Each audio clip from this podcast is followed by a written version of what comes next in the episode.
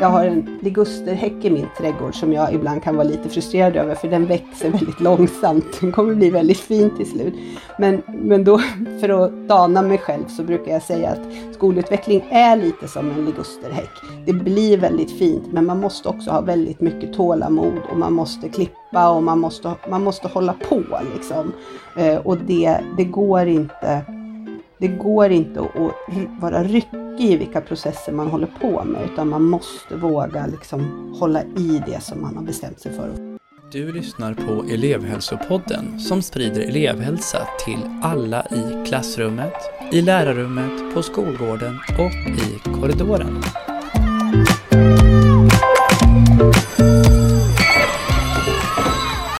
Hej och välkomna tillbaka till elevhälsopodden. Jag heter Stefan Boström och är legitimerad psykolog. Och eh, jag har fortfarande med mig Torun Paulsson. Mm. Hej hej! Hej! Nu ska vi snart lyssna på det sista avsnittet eh, med fokus på elevhälsa. Mm. Det blir kul. Mm. Ehm, och sen ska vi ju liksom knyta ihop säcken kring hela temat också tänker jag. Mm. Och se om vi har, har vi fått med oss några kloka tankar från totalen.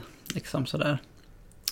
Eh, men idag ska vi då lyssna på en intervju som jag gjorde för någon vecka sedan med Johanna Wallin. Mm.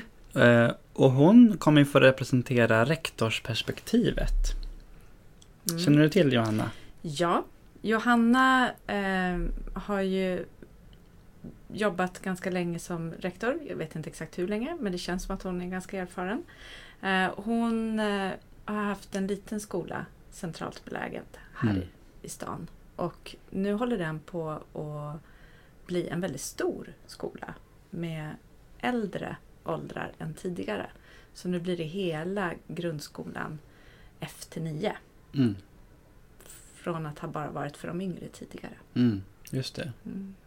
Så du med dina rektorsglasögon lyssnar på liksom, du, du känner till den förändringen och tänker ja. att det påverkar hennes arbete? Ja, men jag kan tänka mig att, den, att leda elevhälsan i den förändringen, äh, det kräver nog lite extra. Mm. Just det. Mm. Just det. Från att ha haft en enhet som utökas mycket och utökas i åldrar, det blir mycket förändringar där tänker jag. Mm. Och det kan ju bli både att hålla ihop hela processen i vuxendelen på skolan men också att det blir lite nya perspektiv. Mm. Mm. Just det. Vi lyssnar på avsnittet och sen eh, snackar vi om det. Mm.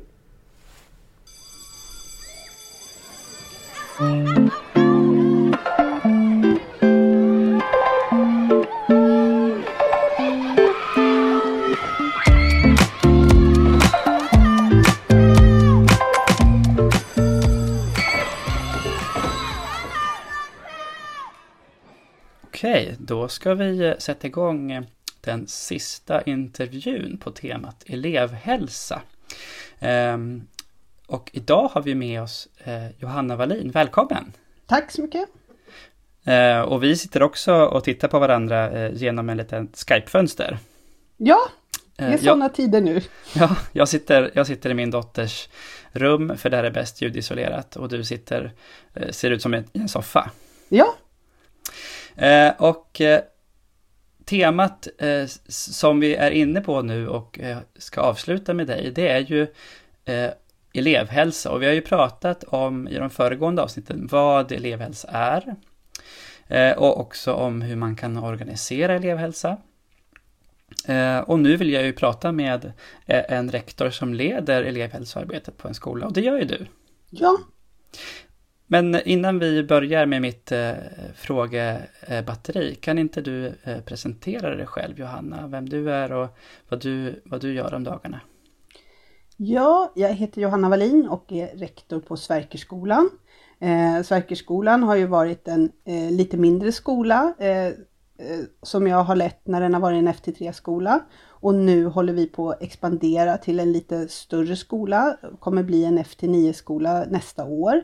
Eh, jättespännande process men också ganska utmanande på jättemånga sätt. Så jag tycker att jag har ett väldigt roligt uppdrag. Precis, och då är det en hel del för, förändringar i, i organisationen som, som ni jobbar med gissar jag. Ja, ganska mycket förändringar och, och, så har det varit över liksom tid. Vi har gått igenom eh, en stor renovering med evakuering och sådär. Så, eh, man får hela tiden anpassa sina förväntningar utifrån rådande förhållanden, vilket ju också är ganska bra för en organisation, för man kan få ganska många roliga bieffekter av att man får, får liksom testa sina gränser. Och det tycker jag är, är det roligaste liksom med eh, det här jobbet, att, att vara i ett sammanhang där folk är liksom beredda på att, att liksom tänka om och tänka nytt utifrån rådande förhållanden. Just det. Just det. Och, och vad det gäller rådande förhållanden så spelar ju vi in det här avsnittet 26 mars. Mm. Eh, och, och coronaepidemin är ju någonting som vi alla påverkas av mycket, inte minst i skolan. Eh, hur, hur påverkas er skola och du av, av det här just nu? Jag tycker att det blir som att man delvis är på gång och delvis är i någon slags vänteläge. Eh, och det, jag tror att det är liksom det svåraste, att vad, vad av det man brukar göra ska man göra helt som vanligt och vad av det är, vad, vad ska man liksom ändra på och vara i både, båda de processerna samtidigt och vara lika bekväm i dem. Liksom. Ja. Eh. Uh, och vad, vad, nu, nu kopplar vi på det här liksom elevhälsotänket. Uh, vad, vad innebär den här omställningen och coronaviruset för elevhälsoarbetet på, på er skola just nu? Ja, alltså det, det, är klart att det innebär konkreta saker, liksom kanske till, kanske framförallt i det som är väldigt på gång och elevnära, alltså mm. processer som är på gång, eh, möten som inte blir av, alltså att man, att man, att man kanske tappar lite i, i de delarna. Eh, sen är det klart att vara hemma länge Eh, som vissa elever är, ändra för att man är att det finns en lägre tröskel för sjukdom eller för att man, eh, man är hemma av andra skäl, är ju såklart särskilt utmanande för elever som, som liksom finner mötet med skolan besvärligt i vanliga fall. Har, har man svårigheter att liksom hänga med på olika sätt så, så blir ju inte det lättare. Och det blir inte heller lättare för de elever som är i skolan nödvändigtvis när många är borta. Eh, men jag tycker också att, att, att jag märker att det som händer är ju också att det finns en viss liksom att det blir annorlunda tycker jag också eleverna är, är lite det väcker ju någon typ av känsla av gemensamt ansvarstagande och plikt som ju mm. också är nyttigt tänker jag. Eh, och som, som också är en del av liksom en, en fostran. Att yeah. man måste ta gemensamt ansvar, att man måste tänka på hur man beter sig eller hur man gör och så. Och att det finns ett allvar i det som gör att, att också många elever växer, tänker jag. Mm, mm, just det. Eh, jag tänker att det här med Corona kommer säkert återkomma eh, under samtalet. Eh, men vi ska ändå gå in på de funderingar som jag har. Och då, då, då har jag tänkt att jag är intresserad av att höra dig berätta om vad, om ni har någon inriktning på elevhälsoarbetet under det här läsåret, om ni har bestämt att det här ska vi satsa på eh, nu och vad, vad, vad det är för någonting i så fall. Ja, och då måste jag kanske beskriva liksom några saker som jag tycker är grundläggande. Och då är ju min liksom, en grundläggande tanke är ju hos mig att kvalitetsarbete arbete och elevhälsoarbete går inte att skilja på. Det är samma sak. Ja. Eh, och det tyckte jag, det, jag lyssnade ju på din intervju med Petri Partanen och då tänkte jag så, of, så ofta på att när vi säger så här, vi måste förtydliga hela tiden att vi har elevhälsa och lärande, elevhälsa och skolutveckling. Mm. Och för mig blev det så här, ja men det, det är väl självklart att de här sakerna är helt ihop, att det inte finns någon skillnad mellan dem.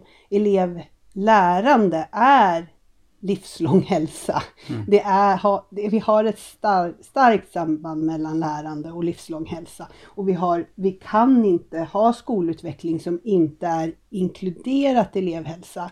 Och där blir ju att man behöver säga ett och i de sammanhangen mm. gör ju också att att det blir tydligt att vi ofta uppfattar det som att det finns ett och, att vi måste vara tydliga med det. Mm. Eh, och jag kan inte säga att, att det finns en... Jag kan, inte, jag kan inte hitta de där gränserna. Jag, jag tycker att målen för elevhälsoarbetet är målen i Mm. vår verksamhetsplan. Och målen i vår verksamhetsplan har en grund i en analys där vi inte gör skillnad mellan vad som är elevhälsoarbete och vad som är lärandeprocessen. Eh, För de är så, så intimt förknippade. Mm, mm. Det, det tänker jag också är väldigt, eh, väldigt klokt. Men, men eh, så, så, vad, så vad är inriktningen i verksamhetsplanen då? Ja! Där elevhälsoarbetet liksom ehm, eh, kompletterar och, och berikar det arbetet. Ja, och där är ju en av de utmaningar som har blivit nya för oss när vi expanderar är ju eh, problematisk skolfrånvaro. Mm. Eh, så det är, är ett tydligt liksom, arbetsområde som hör för oss ihop med äldre åldrar på ett annat sätt och där vi behöver liksom slipa verktygen i verktygslådan så att, så att det blir bättre och också få till eh, liksom bra klassrumsintegrerade processer som håller för att liksom eh, bygga upp eh, grundmotivation för att, för att komma till skolan och vara i skolan och hela den biten. Eh, så det är ju till exempel ett tydligt mål för, för, för om, om lärande är helt avgörande för livslång hälsa så är ju att komma till skolan och få delta i det såklart helt avgörande för annars, annars går det ju inte att göra, göra något utav det. Mm. Så för oss är det ett jätteprioriterat område. Men också utveckla och utarbeta liksom bra metoder som man kan använda och en bra systematik som man kan använda med äldre åldrar. Så att man, så att man kan göra, så man kan dra nytta av erfarenheterna från ett, ett, liksom, ett lågstadium till att, liksom, till att få upp de, det goda i det i även mellan och högstadiet. Yes. Okej, nu, nu, nu, nu ska jag försöka genomgående lära mig att inte säga elevhälsoarbetet som om det är något särskilt, utan ni sysslar med eh, skolutveckling och ni har en verksamhetsplan. Ja, vi har en elevhälsoplan också. Ja, så, så är det ju. Ja. Men, men, men vi har varit eh, väldigt noga med att se till att det som är, det, att, det, att det taggar ihop. Mm. Att det inte är så här, det, det är målen för elevhälsoarbetet också, utan det är verksamhetsplanemålen.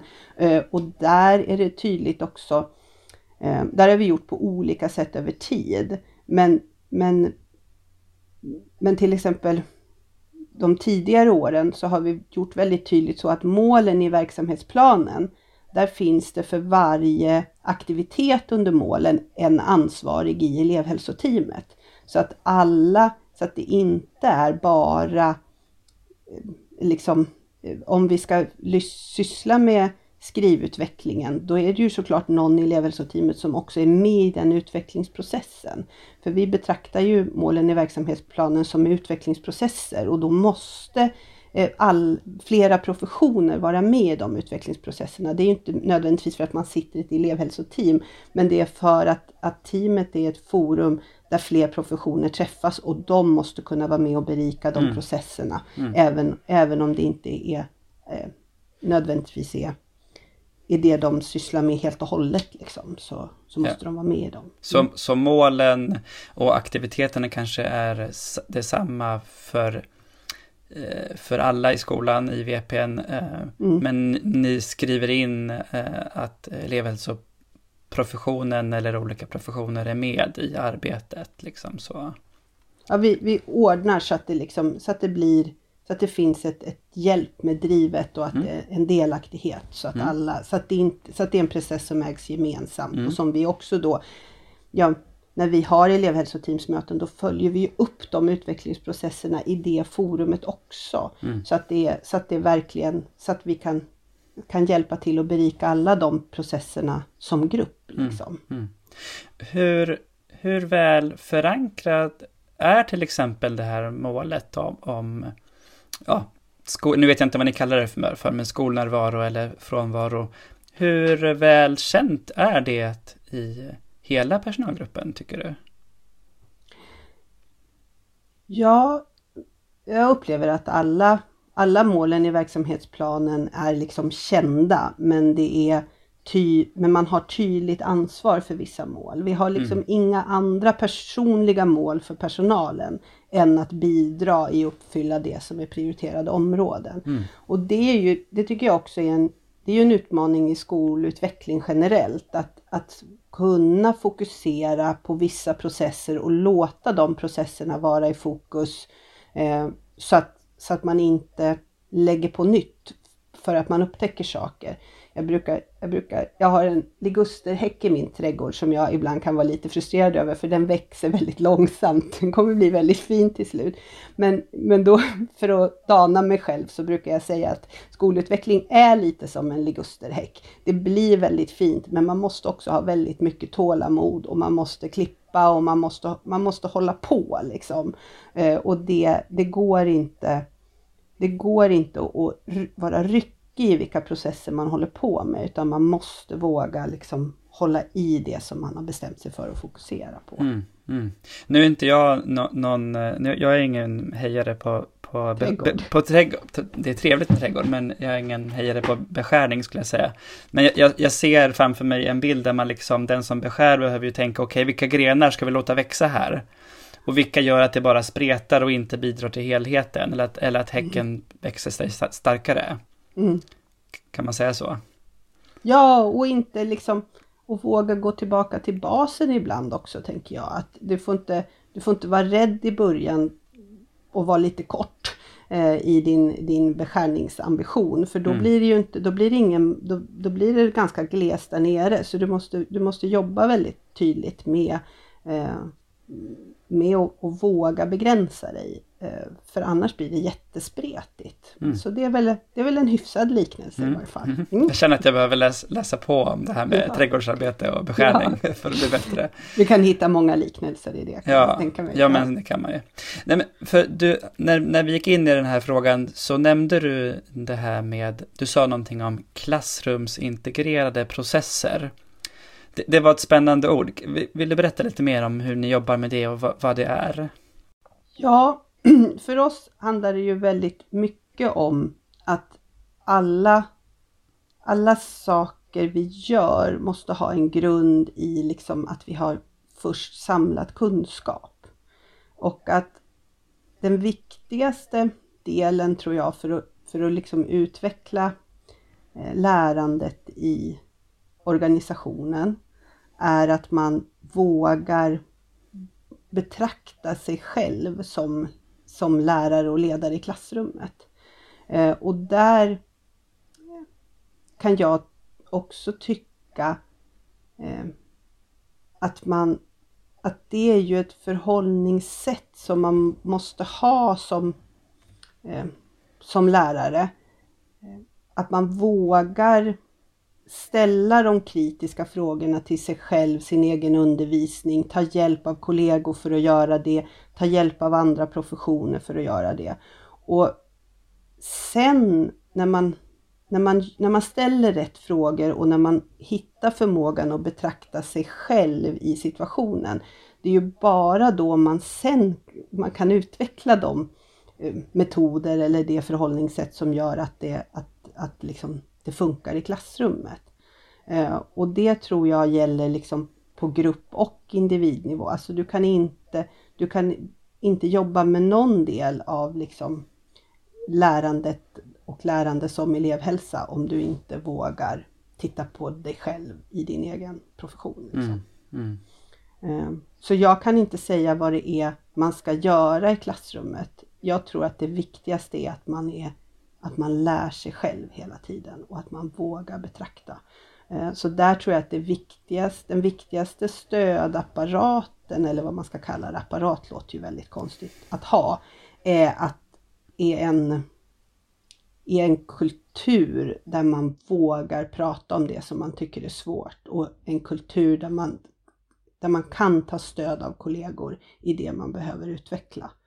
Och jag tänker att där måste man ha ett uttalat upp uppdrag om att man ska ha ett undersökande förhållningssätt. Mm. Eh, och där, och det, det tror jag alla vi som har suttit i elevhälsoteam på olika ställen och olika sammanhang kan uppleva att, att när, man, när man hamnar i läget där man liksom på något sätt får en en elev som nu, det kanske är mycket känslor och elevhälsoteamet måste in och ni måste göra något och så. Så kan det ju, så, så kan det ju liksom bli ibland i mötet mellan elevhälsoteam och liksom de som jobbar närmast eleverna.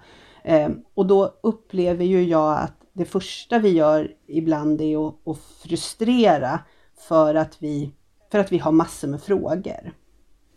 Och de frågorna behöver ju komma mycket tidigare i processen så att det inte när man känner någon typ av desperation som lärare, att man då får de frågorna liksom mm. tillbaka. Mm. Eh, och det är klart att det, det kan ju hända ibland, men, men det måste finnas en förståelse i skolkulturen om att det här är frågor som vi måste vara intresserade av varje dag mm. och frågor som vi måste sträva efter att svara på mm. varje dag. För det, det är då vi kan göra saker i tid om vi, om vi ställer mm. frågorna och inte mm. bara antar saker. Mm. För det kan jag tycka är en, en del av det som, som man generellt kan behöva utveckla. Att man inte antar saker utan att man faktiskt undersöker saker. När, när, när, du, när, när du säger det där att, att när, när det väl eh, hur säger man, the shit hits the fan kanske man inte ska säga. Men när, när det väl liksom blir eh, någonting som vi behöver åtgärda i skolan eh, och, och, vi möts eh, och vi i elevhälsoteamet eh, som kanske inte är lika eh, översvallade av, av, liksom, av, av, eh, stress eller stundens allvar. Vi ställer massa frågor. Mm. Då, jag drar direkt en parallell här till eh, när jag jobbar med eh, barn som har starkt utagerande beteende. Det, mm. det är mitt, mitt favoritområde. Eh, och, då, och det blir som en parallellprocess där, att när barn är i kris eller de är arga eller upprörda eller har det svårt på något sätt, då är ju en strategi som vi vuxna väldigt ofta använder, det är att vi försöker lösa problemet genom att ställa en massa frågor. Vi, vi, prat, mm. vi pratar massa liksom. Och i många fall, inte alla, men i många fall, då är inte barnet mottagligt för det där och då. Mm. Det blir bara värre, mm. helt enkelt. Det blir ett brott liksom. Um, så, så, att vi behöver ju, och när, jag, när vi jobbar med barn behöver vi ju då, tänker jag i alla fall, först komma ner till någon slags eh, vardag där vi kan andas liksom. Eh, och sen kan vi ställa de där frågorna. Mm. Och precis som du är inne på, så så ska vi inte ställa frågorna för första gången då när det krisar, utan det här behöver vi jobba in långt tidigare, att få kunskap om eh, eleven eller om klassrumsmiljön eller så. Mm. Så att när det väl krisar, då ska det vara någonting som kommer upp naturligt i samtalet. Mm.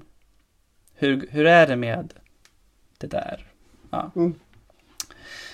Ja, för annars tenderar ju frågorna att bli som anklagelser mm. och inte som, eh, som någonting som man, inte som ett genuint intresse eller som något man behöver och då, då blir ju inte liksom mötet sådär jättebra, Nej. tycker jag.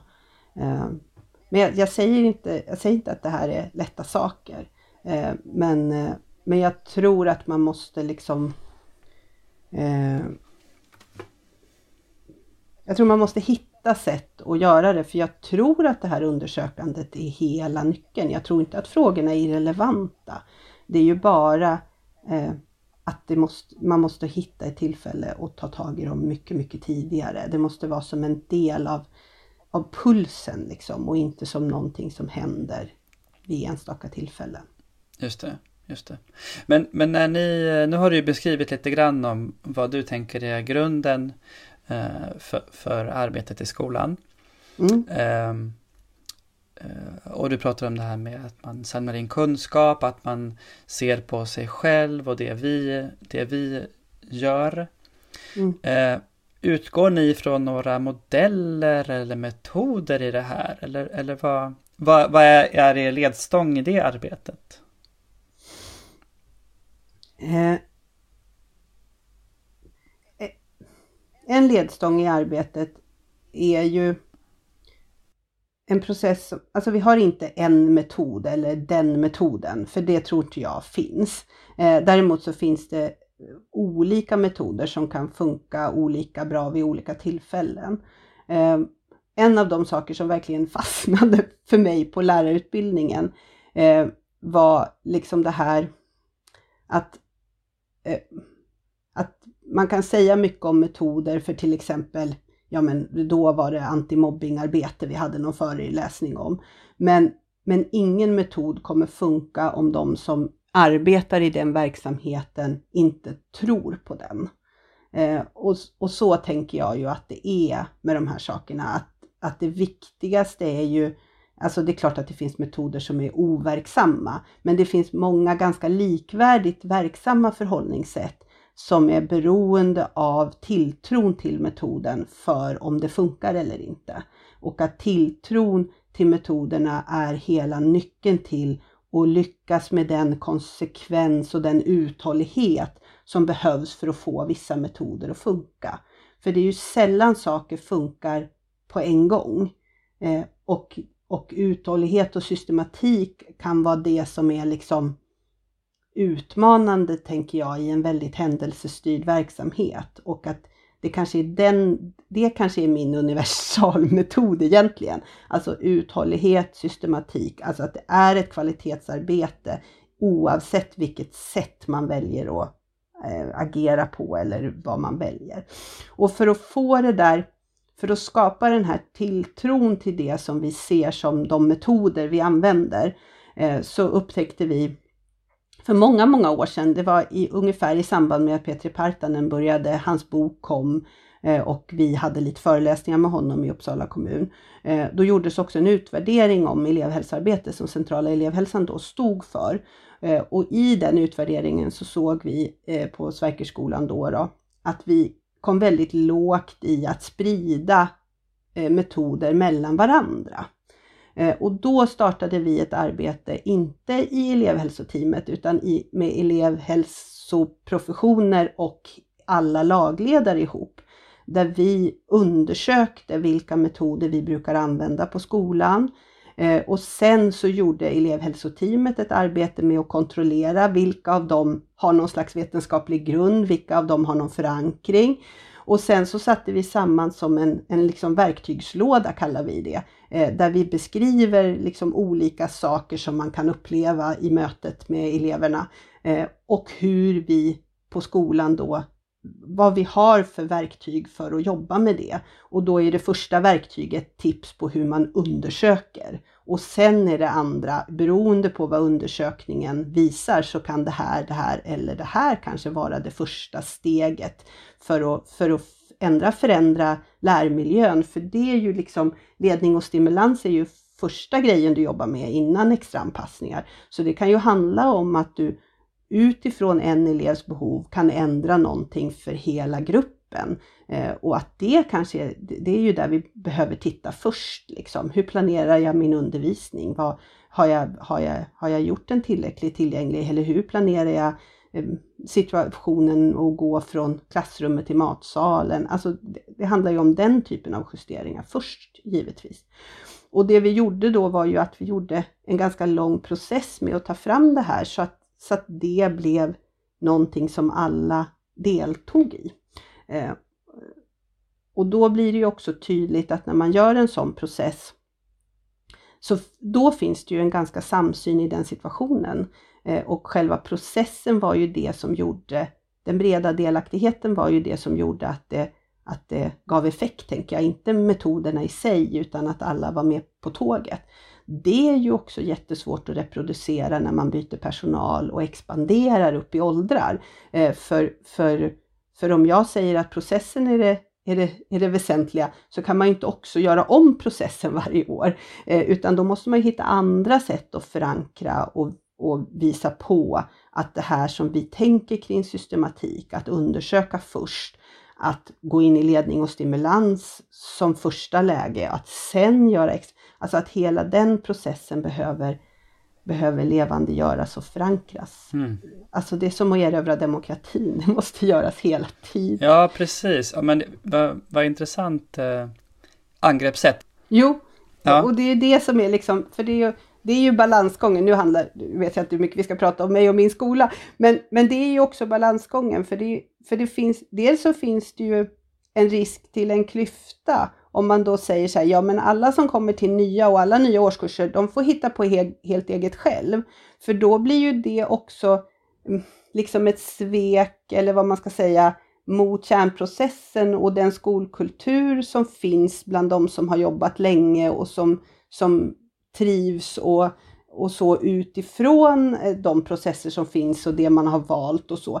så. Så vissa av de här sakerna är ju så integrerade i skolkulturen så att det också blir en dealbreaker. Alltså, eh, och där har vi ju försökt att ha en balans i det, att, att, att vi är extremt tydliga när vi anställer nya vad vi tycker är våra kärnvärden och vår kärnprocess. Man får nästan en hel liten uppsats. Alltså mm. så här jobbar vi här.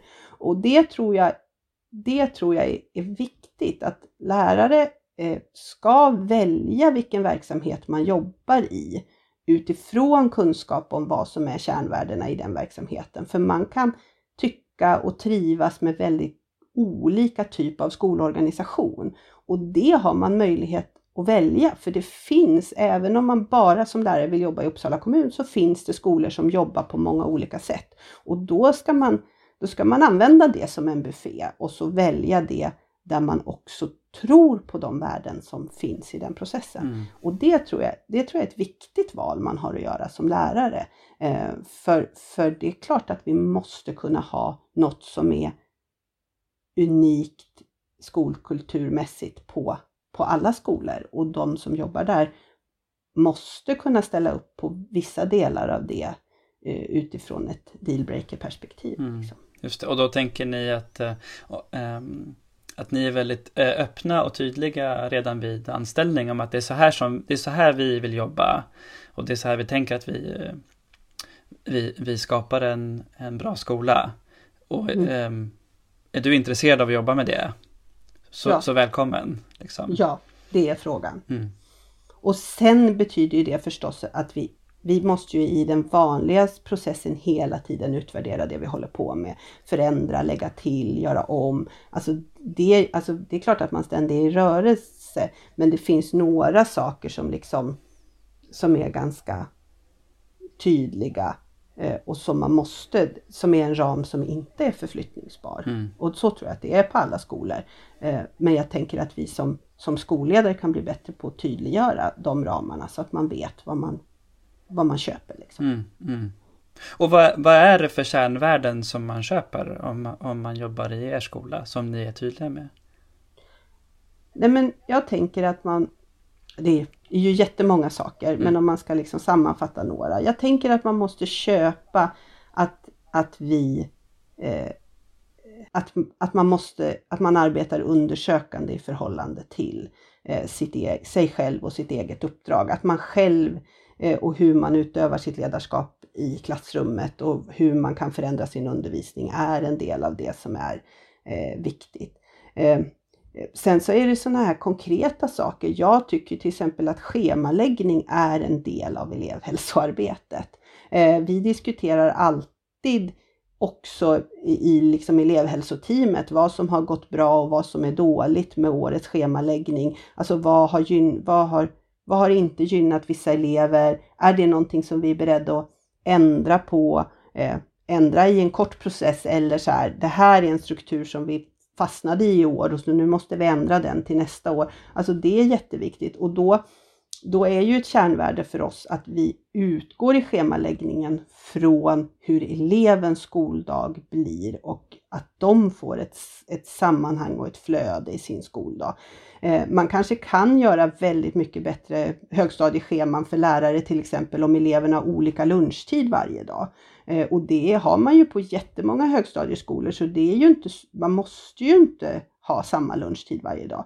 Men för mig, när jag lägger schemat och för oss i vårt elevhälsoteam när vi diskuterar så tycker vi att elevernas möjlighet att liksom ställa in sin dygnsklocka mot en, en enhetlig lunchtid är viktig för deras kunskapsinhämtning och möjlighet att, att funka under en skoldag. Och därför har vi det som utgångspunkt, till exempel då i schemaläggning. Och då, då, kan man ju, då kan man ju, tänker jag, köpa att det kanske innebär saker för en själv som lärare och man förstår värdet i det. Eller så tycker man inte att man köper det. Men då är ju inte vi rätt skola. För vi kommer att lägga scheman utifrån ett elevhälsoperspektiv på elevens skoldag. Sen får det ju inte bli urdåligt såklart, men det kom första frågan i alla förändringar och allt som man tycker som vuxen är tokigt med schemat kommer vara hur påverkar en förändring eleverna? Hur är elevernas mm. dag? Missar vi något av de värden vi håller för heliga för att eleverna ska få ett bra flyt i sin skoldag om vi gör den förändringen? Mm. Eh, och då, då måste vi hitta en annan förändring i sådana fall, men vi kan inte ändra så att, så att vi missar det som är, är kriterierna för vad vi tycker är ett, ett rimligt schema ur elevernas perspektiv. Ja. Ja, och rimligtvis då om, om ni dels tänker att ett kärnvärde är det här med elevens skoldagar i centrum och i kombination med det här första kärnvärdet att ni har ett undersökande arbetssätt. Då behöver ju ni leva som ni lär i skolan att, att, att, att, äh, att, att, att verkligen undersöka i verkligheten hur, hur, blev, hur blev det här schemaförslaget? Eller den här mm. grejen som vi testade. Mm. Ni, ni, kan ju inte då liksom mörka det. Eh, Eh, ni, ni, kan ju inte själva göra avsteg från det här undersökande, utan behöver ju vara ärliga mot eh, lärare och all annan skolpersonal i det. Då. Mm. Var, har ni några flera kärnvärden som du vill berätta om? Ja, alltså eh, dels, så, dels så är vi ganska tydliga med att vi tycker att det är viktigt att vilja eh, vara med elever och lära känna elever och att vi Eh, Eh, jag brukar ta som ett exempel att, att, att vi att om jag går förbi och det ligger papper på marken så kommer jag plocka upp det pappret. Eh, och, och det tänker jag är liksom eh, skillnaden eh, för mig i hur man agerar i vardagen. Alltså att, att alla, alla som arbetar på en arbetsplats har en profession på den arbetsplatsen. Men man har också ett medarbetarskap som handlar om att, eh, att vara en god förebild och att göra det som behövs för att, det, för att markera eh, rätt saker.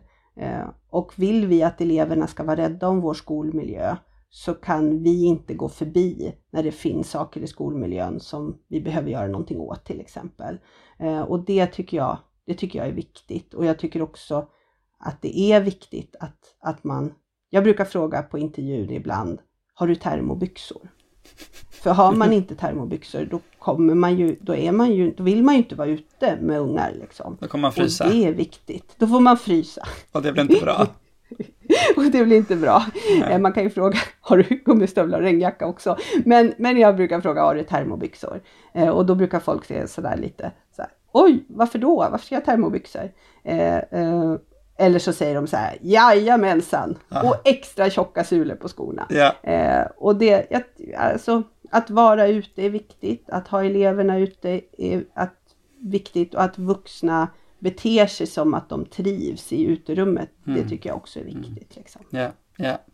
Va, va, då, har, då har ni liksom, med den frågan så har ni liksom svaret på om personen tycker att det här, just det kärnvärdet är liksom viktigt. Ja. Uh, ur, ur, ett liksom rekryteringsperspektiv så har ni den mm. hemma där liksom. Så här, det, det är bra, smart. Man ska ju, undv, man ska ju undersöka konkret ja. uh, det, man, de, det man vill ha hos mm. uh, någon man anställer, tänker jag. Och det är ju väldigt mm. konkret. Mm.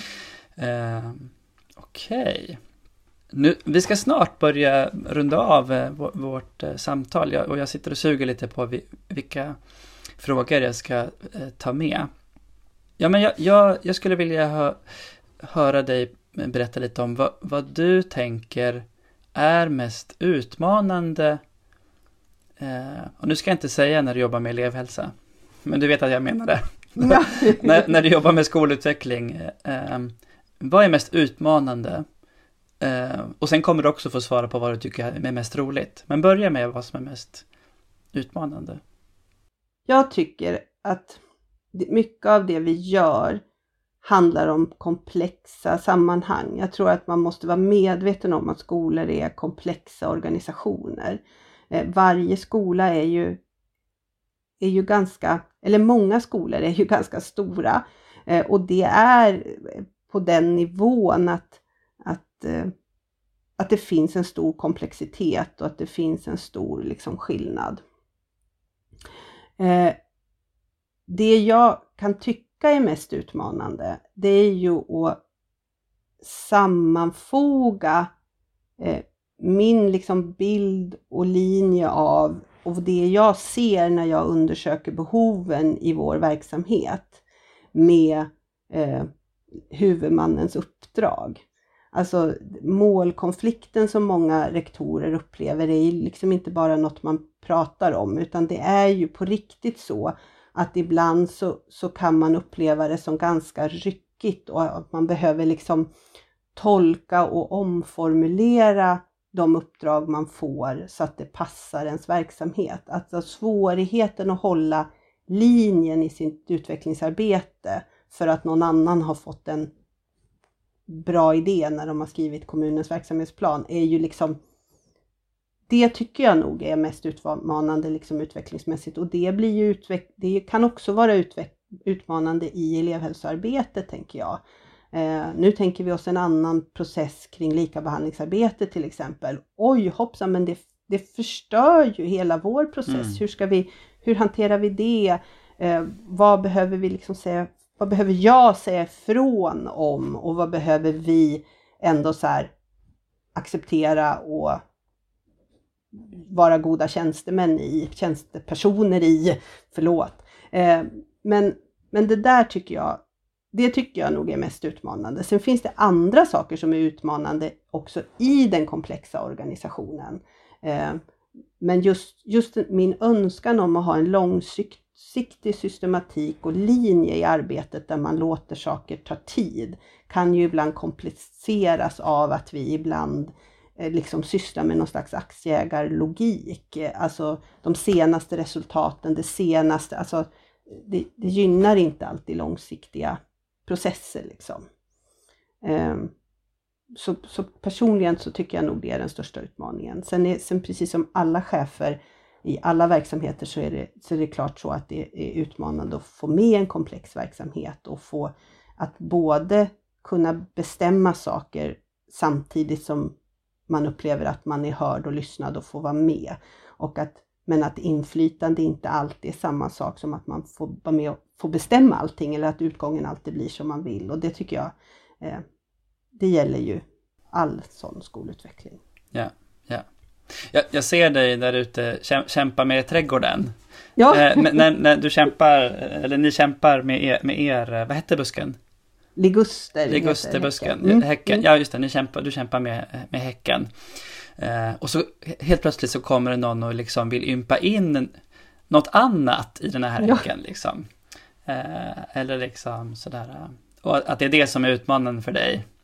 Att få ihop det med Häcken, alltså det behöver inte vara av ondo per Nej. definition, men att ja men nu har jag ju tänkt så här, att vi ska göra så här det här året med Häcken. Mm. Och, och, så, och så kommer någonting som inte riktigt stämmer överens med den tanken, den linjen. Mm. Det är det som är utmanande. Mm. mm. Vad, vad är roligast då?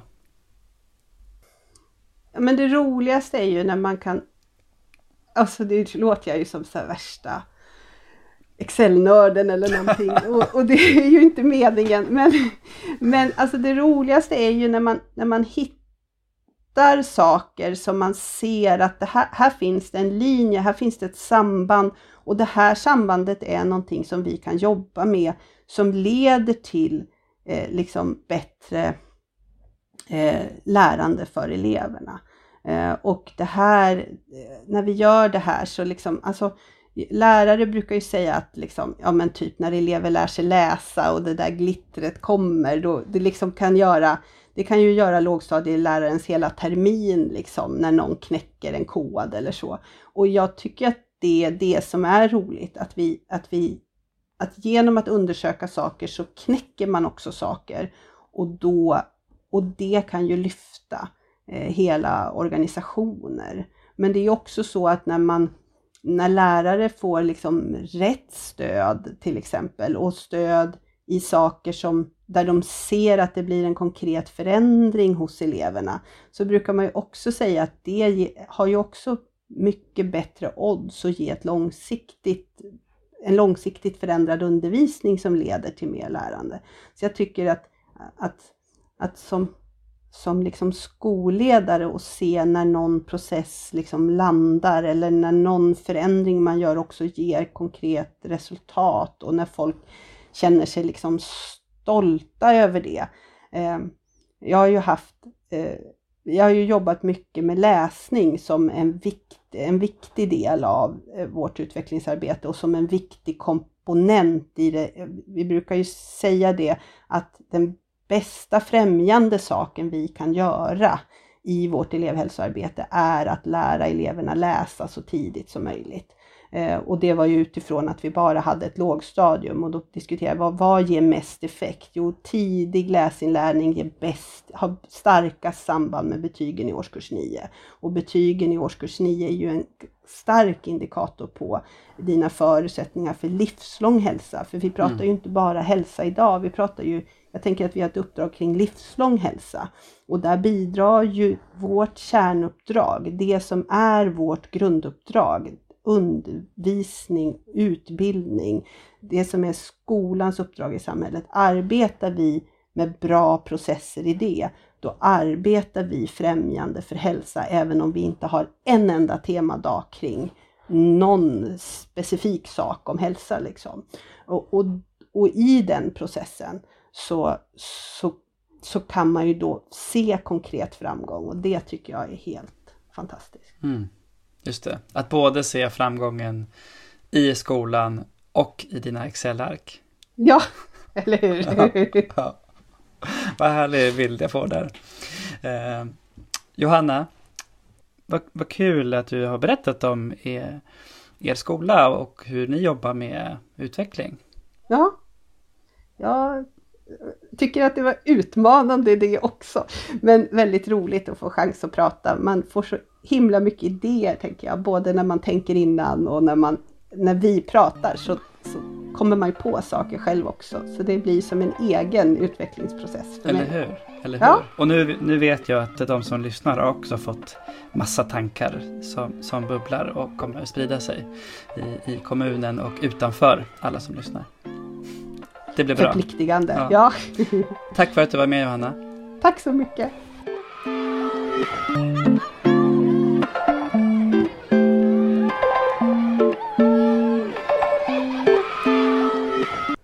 Okej, då är vi tillbaka efter att ha lyssnat på snacket med eh, Johanna. Spännande. Mm. Eh, en, en grej som, som stannade och resonerade hos mig, det var det här som hon tog upp och återkom till, det här undersökande förhållningssättet. Mm. Och jag tror att det till och med var eh, ett av deras kärnvärden som ja, de hade. Ja. Uh, och, och, för mig är det så, så klokt och viktigt det här att, att man uh, att, att innan man sätter in eventuella lösningar eller metoder så har man i grunden alltid ett liksom undersökande och kunskapsinsamlande förhållningssätt mm. till okej, okay, nu undersöker vi hur det är för den här eleven. Eller vi undersöker hur det är i årskursen. Mm. Eh, det är inte så att man det är inte så att man pratar om hur man tror att det är, utan man tar reda på det. Det tycker jag är väldigt eh, klokt. Jag tror att det är en del som är ganska lätt att hoppa över. För hon, hon pratar ju också om det här att um, man i vissa situationer så blir det kan ni bara lösa det här? För att mm. man, man är så pressad i en situation med en elev som kanske ja, har så svårt så att det påverkar hela omgivningen. Och då tror jag att det är superviktigt att ha det fokuset. Att vi börjar med att beskriva och, mm. och ta reda på hur, hur det ser ut innan vi försöker sätta in en lösning. Mm. För annars blir det de här inte så effektiva åtgärderna Nej, precis. Och, då, och då, det var nog kanske i och för sig någon, någon av de andra, eh, Petri eller Anna som sa det, men, men det här undersökande förhållningssättet, det måste man ju etablera innan det skiter sig. Mm. Alltså mm. under lång tid. Mm. Så att det kommer naturligt Mm. även när det är lite krisigt. Mm. Och det sa ju faktiskt Johanna också att i de här frågorna, alltså om man ställer frågor för att ta reda på mer Mm. i liksom elevhälsoteamets eh, roll, när, då kan det ju kännas lite anklagande om, om de kommer när det redan är jobbigt. Men om man precis som du är inne på och flera med dig förankrar det under de lugna perioderna, Mm. då blir det bättre mottaget och bättre svar. Mm. Och det är ju egentligen samma sak med eleverna, tänker jag. Att vi ska inte prata med dem när de är i affekt eller när någonting är jobbigt, utan det är de här lugna perioderna som gör att vi får bäst svar. Mm. Just det, och att, och, att vi, och att man som lärare ju framförallt ska hjälpa eleverna att själva lära sig saker. Mm, Att få ett undersökande förhållningssätt till exempel. precis. Hade du något annat? Ja, men jag, jag tyckte en sak var jättehäftig och det var det här att hon ehm, pratade om någonting som, som jag tror att du sa stödapparat. Mhm. Och så backar du lite från det ordet, att det blev lite konstigt, eller om hon Mm, sa det. det var, mm. ja. Men i alla fall så pratar, pratar Johanna om att viktigt att ha en kultur på skolan. Att det blir ett stöd i förlängningen. Om, vi, Mm. om vi kan ha en kultur och en inställning till varandra och till oss själva framförallt. Att den här självreflektionen är nyckeln till, till ehm, stöd och framgång. Våga, våga säga att det här är jag svårt för, det här, här brottas jag med ett problem. Och då få kollegornas stöd och råd och tips. Det ger i förlängningen eh, ett lugn i organisationen. Och det tänker man oftast inte på de här mjuka värdena. Hur, hur otroligt viktiga de är för att nå ut hela vägen. Mm. Just det. Hörru Torun, Mm. nu har vi lyssnat på tre avsnitt på Mm. det här temat om elevhälsa, vad det är för någonting och hur man ska få det att funka, hur alla ska jobba åt samma håll och sådär. Mm. Petri, Anna och Johanna har ju sagt massa kloka grejer. Mm. Vad, vad tar vi med oss egentligen? Alltså jag vet inte om det är jag som, som tilltalas av en speciell sak och därför hör det väldigt mycket. Men jag tycker alla tre har pratat om att jobba med tydliga strukturer. Mm. På olika sätt så verkar det vara en, en framgångsfaktor. Att, Mm. att bygga in en tydlighet i organisationen så att alla vet vad som ska hända och när. Mm. Ganska formella strukturer på ett sätt men det ger i längden också upp, upphov till, eller det, det ger en möjlighet till att få det här eh, reflekterande och självutvecklande som är en annan framgångsfaktor. Mm. Men den tror jag, tycker jag mig ha hört att alla tre har pratat om som att det inte går att få till utan strukturen. Nej, nej. Nej men och det är ju, det är ju sådana strukturer, det är ju inte strukturer bara för strukturernas egen skull. Nej. Utan det är ju för att eh, tillgodose verksamhetens och skolpersonalens och elevernas framförallt elevernas behov liksom. Mm, mm, Det är ju därför strukturerna finns där, för att man ska kunna skapa en, en organisation som utvecklas och, och lär, som det så Mm. fint heter. mm. Så jag, ja, men jag köper det helt och hållet, att strukturer behövs för att vi ska må bra och utvecklas. Eh, det, det tar jag också med mig. Mm. Något som jag eh, kände genomgående genom hela temat som var ganska skönt att höra. Det var det här att vi inte behöver ha dåligt samvete för att vi hanterar och åtgärdar. För om man är en Just det. duktig elevhälso eh, personal eller, eller liksom så, då, då har man liksom tagit till sig Mm. att vi ska främst jobba förebyggande Mm. och hälsofrämjande. Och ibland har jag nästan själv tänkt så här, nej men det är bara att vi bestämmer oss för att vi ska inte åtgärda så mycket.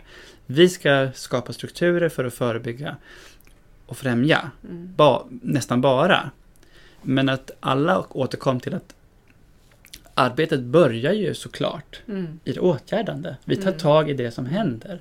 Och det måste, det måste man ju få göra. Det måste, kommer vi alltid göra.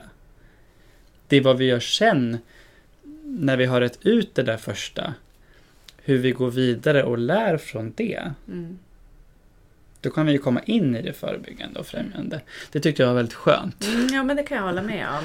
För det blir också, som jag tror Petri Partanen sa, att det blir mer konkret och lättare att angripa. För att de Mm. andra kan vara lite svårare att nå fram till. Ja, Men genom att göra en sån baklängesplanering så är det, är det lättare. mm. Ja. Hur, om man då är ett elevhälsoteam som har lyssnat Mm. på det här Mm. och tänkt just att ja, men det, det var ändå lite kloka grejer som vi kan eh, ta med oss och jobba vidare med. Hur skulle man kunna gå vidare med det, med det här, tänker du? Ja, men det, är lite så dubbelt. För att dels så tänker jag att ja, men vad fantastiskt, nu har vi ett material att utgå ifrån så att man i elevhälsoteamet kan starta en process, en diskussion och en dialog kring de här sakerna. För jag tror att man genom sina olika roller har olika perspektiv och olika inspel. Och jag tror att det är väldigt viktigt att vi avsätter tid och låter den här processen få, få utrymme. Att det är Mm. en del utav elevhälsan. Men sen så tänker jag också att då blir det ju det här ochet Johanna tog upp. Mm. Elevhälsoteamet och övriga på skolan. Mm. Eh, Så att egentligen så skulle man ju behöva starta processen med alla och få in allas tankar. Mm. Så att vi inte blir den här lilla isolerade klubben Nej. med stängda dörren Nej. utan att det blir liksom den här naturliga Mm. delen. Men på något vis skapa en struktur Mm. För en process. Mm. Hela skolans process Mm. kring det här. Lyssna, bara ha någon, någon form av ehm, struktur för reflektionen. För det är inte heller det lättaste. Och det, det var ju också mycket, mycket fokus på det, hur vi leder samtal på olika sätt för att få till en självreflektion. Mm. Och vi har ju som, som regel i skolans värld så har man så här studiedagarna typ i slutet på året. Nu ska vi se hur gick det med allt vi har gjort under ett helt år. Och då kommer man ihåg liksom de senaste månaden ungefär om man har tur. Eh, och där tror jag att vi, vi behöver bli bättre på att skapa utrymme för reflektion eh, kontinuerligt över året och tillsammans i grupp. Mm. Mm. Och då kan man ta hjälp av det här i det arbetet. tänker jag. Just det, av elevhälsopodden. Ja. Till exempel. Ja. Att man Mm. kan liksom gå och lyssna på en, en del av ett avsnitt eller hela avsnittet och se- och sen så har, har man förberett frågor eller använder sig av någon struktur för Mm. att bearbeta det i grupp. Mm. Då tror jag vi, vi kommer att få syn på jättemånga olika tankar som inte alls lyfts upp idag. Så, så samtalet eh, fortsätter. Och jag tänker att eh, vi fortsätter det här Mm. samtalet på, på vår skola också. Mm. Och jag hoppas Både. att folk, andra gör det också. Ja, du kanske måste göra ett litet material med frågor. Ja, Ja. det orkar jag inte. det får någon annan göra. Det får någon annan göra. Ja. Ja. Eh, vad kul att ni har varit med oss och lyssnat eh, på det här temat eh, om elevhälsa och vad det är. Och har ni missat de tidigare temana om problematisk skolfrånvaro och om ledarskap i klassrummet, kolla in i din poddapp och lyssna på dem. Eh, hör gärna av er i, via sociala medier och, och säg vad ni tycker om elevhälsopodden. Eh, det här är det sista avsnittet faktiskt för läsåret. Hoppas att vi ses igen i höst eh, med nya krafter och nya spännande teman. Tack för att ni har lyssnat på det här avsnittet och tack för att du var med Torun. Tack själv Stefan. Det Mm, har varit jättetrevligt. eller hur? Mhm. Nu går vi och jobbar.